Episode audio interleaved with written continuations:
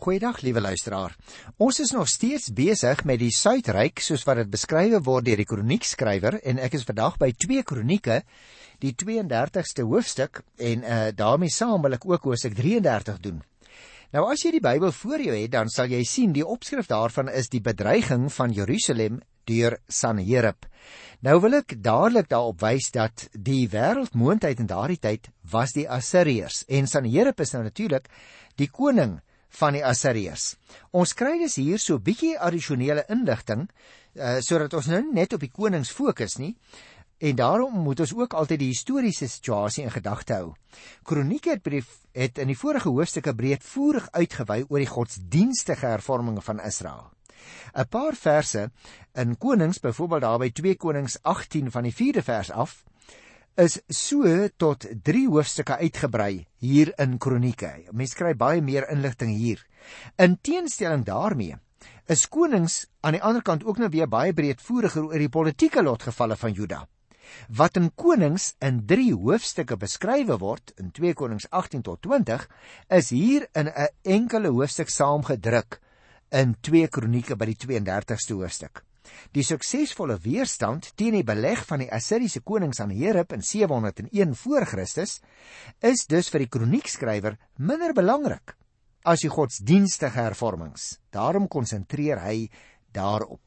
Kronieke het egter ook selfstandige materiaal wat nie in konings voorkom nie en daarom gaan ek dit tog weer so 'n bietjie uh, met jou bespreek vandag.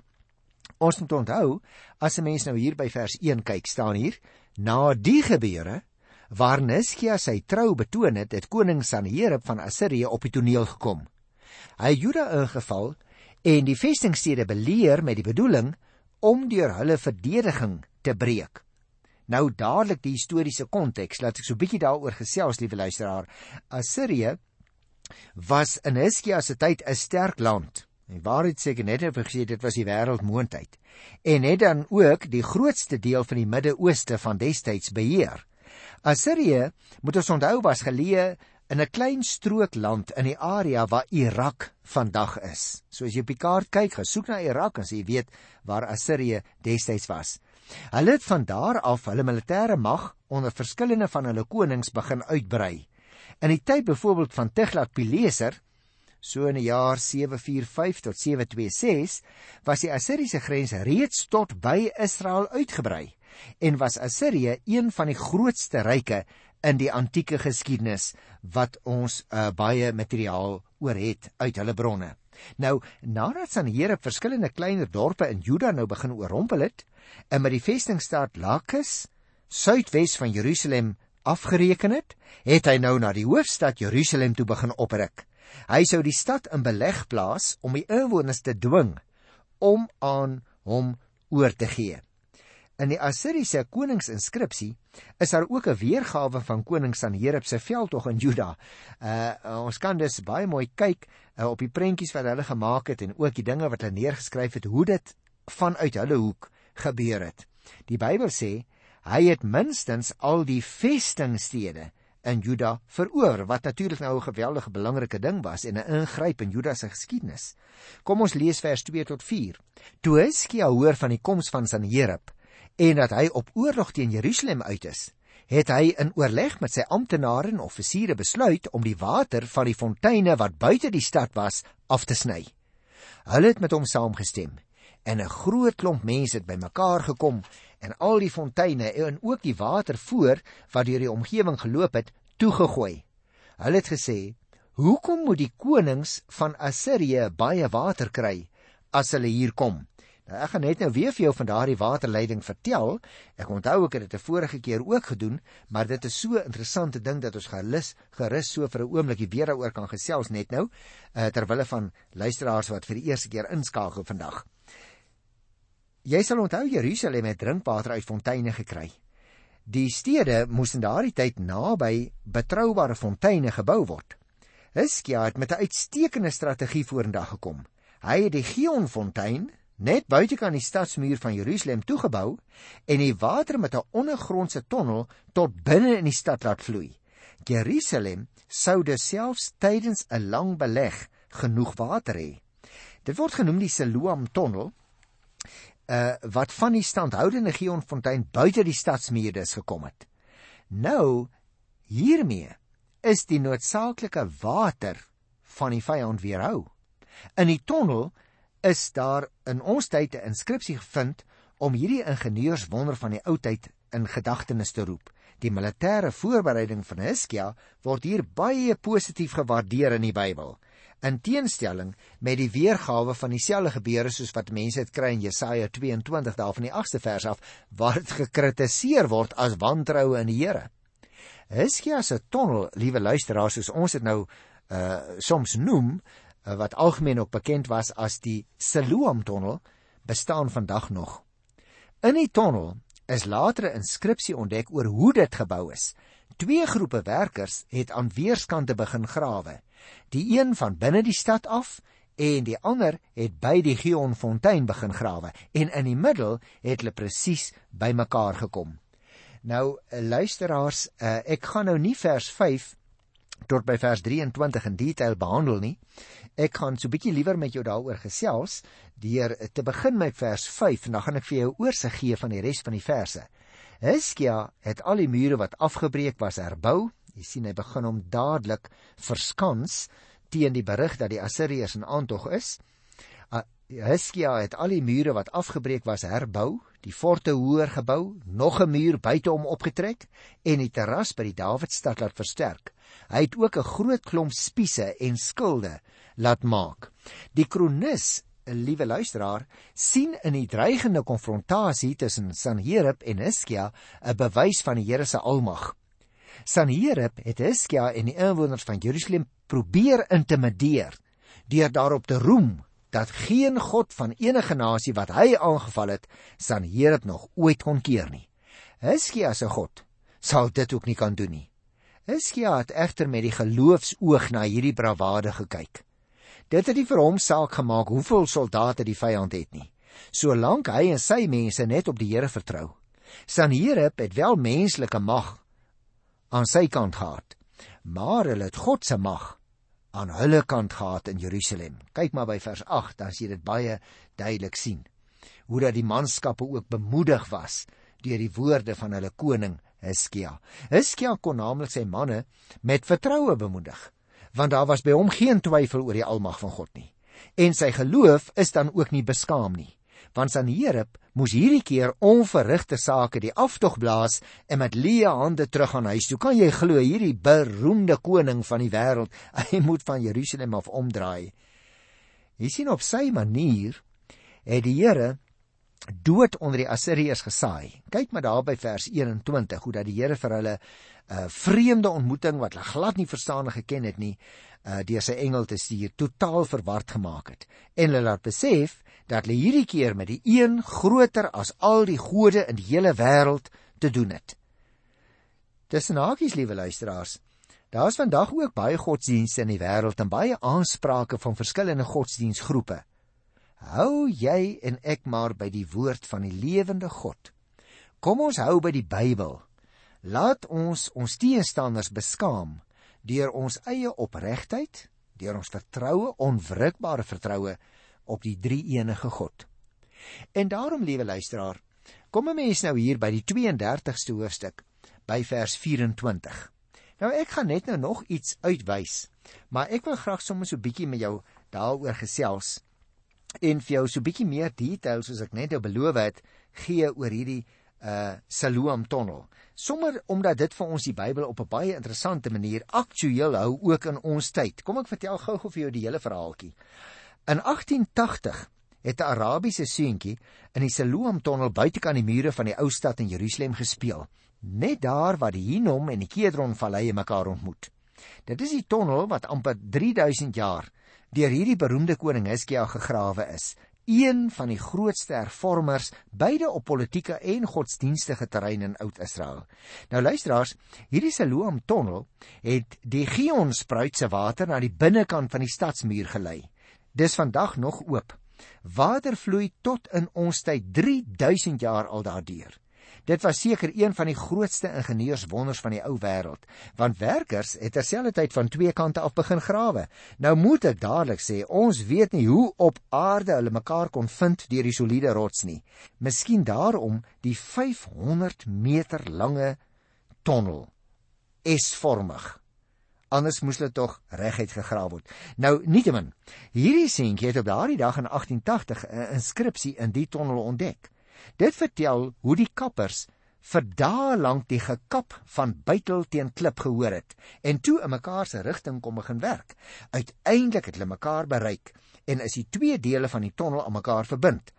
Ongelukkig het die Turke later die hele inskripsie uitgekap. Vandag kan 'n mens dit wel daar sien in 'n museum in Istanbul. Nou luister na vers 24. Ek is hier by 2 Kronieke hoofstuk 32. Die tyd het Hiskia ernstig siek geword. Hy het tot die Here gebid en die Here het met hom gepraat en met hom 'n wonder laat gebeur. Hierdie vers vertel dat hierdie beroemde koning Hiskia op 'n stadium baie ernstig siek geword het. Die dokters het al wat 'n toets is gedoen kan my voorstel, homselfs in intensief opgeneem dalk, maar te vergeefs. Die teks vertel vir ons dat hy gebid het. Die Here het toe eers die son 10 trappe op Agas se sonwyser laat terugskuif. Dit was vir die vrome Hiskia die teken dat hy gesond sou word. En wat dan ook later gebeur het. Ja, die Here het met hom gepraat en toe 'n ongelooflike wonderwerk in sy lewe gedoen.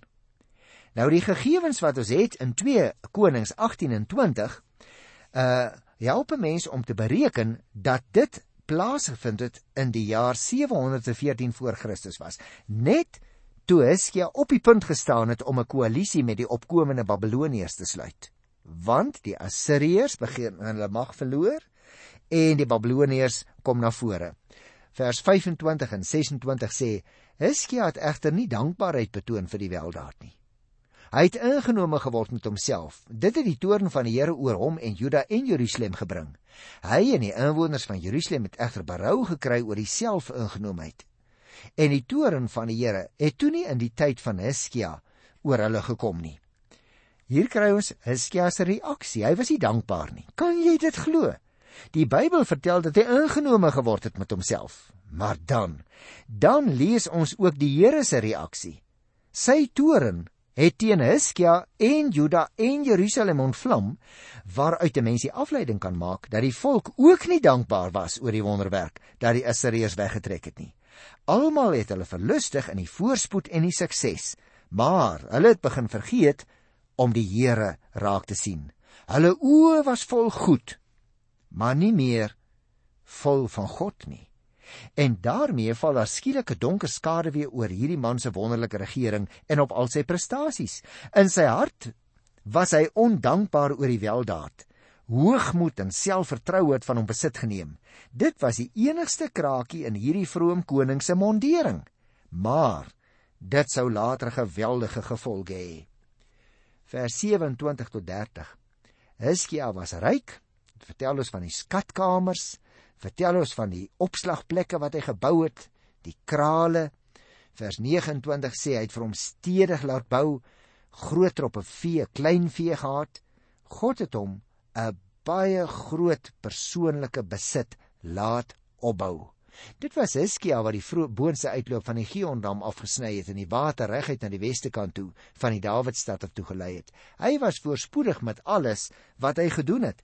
Jy sien vir 5 verse lank, liewe luisteraar, word vertel dat hierdie man alles bereik het wat 'n mens kan kan verrig in hierdie wêreld. En daarmee beklem die kroniekskrywer lyk vir my die skerpheid van die oortreding dat hulle hulle self verhef het saam met die koning en verryk het ten spyte van die wonderlike genesing wat die Here vir die koning gegee het. Dit het dus vir hulle veral gegaan oor die verwerwing van rykdom en aansien, oor skatkamers en opslagplekke, oor stoorplek, nuwe stede, landbou, veeteelt, bouwerk, 'n ware tweede Salomo wil ek amper sê. Luister na vers 31. Maar toe die regerders van Babel woordvoerders na hom toe gestuur het om navraag te doen oor die wonders wat in sy land gebeur het, het God hom verlaat. Dit was om hom te toets en hom sy eie hart te laat ken.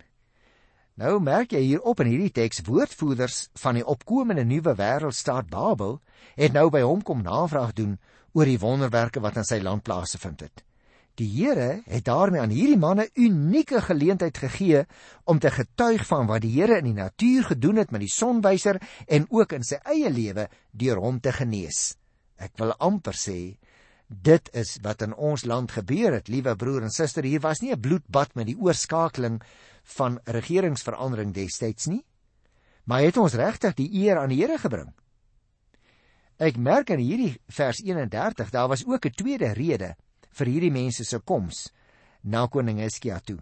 Hulle kom vra waarskynlik vir Hizkia om met hulle 'n koalisie te vorm teen Assirië, want hierdie Babiloniërs beoog om voorlank in opstand te kom en die nuwe wêreldmoondheid te word.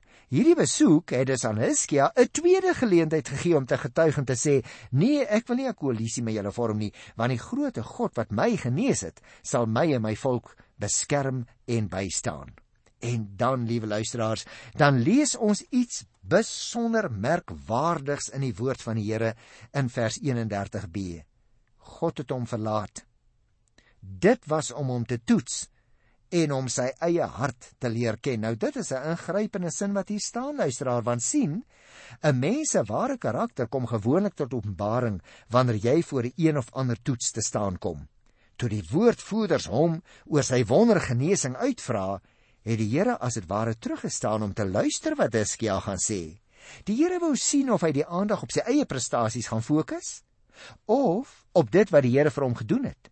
Of hy op die Here gaan bly vertrou met die oog op die toekoms en of hy op sy wapenrusting en die bystand van die Babiloniërs gaan staatmaak. En hoe klaaglik het sy menslike planne nie later misluk nie. Want dit sou na sy dood juis dieselfde Babiloniërs wees wat sy land sou kom vat, sy mense sou kom wegvoer. Hulle was besig met spionasie en hy kom dit nie agter nie. Jy sien, hoe goed dit ook al met jou en my mag gaan, liewe luisteraar. Ons moet altyd bly erken en dat ons in alles uit God lewe. Dat alles wat ons het uit sy hand kom en dat dit steeds so is.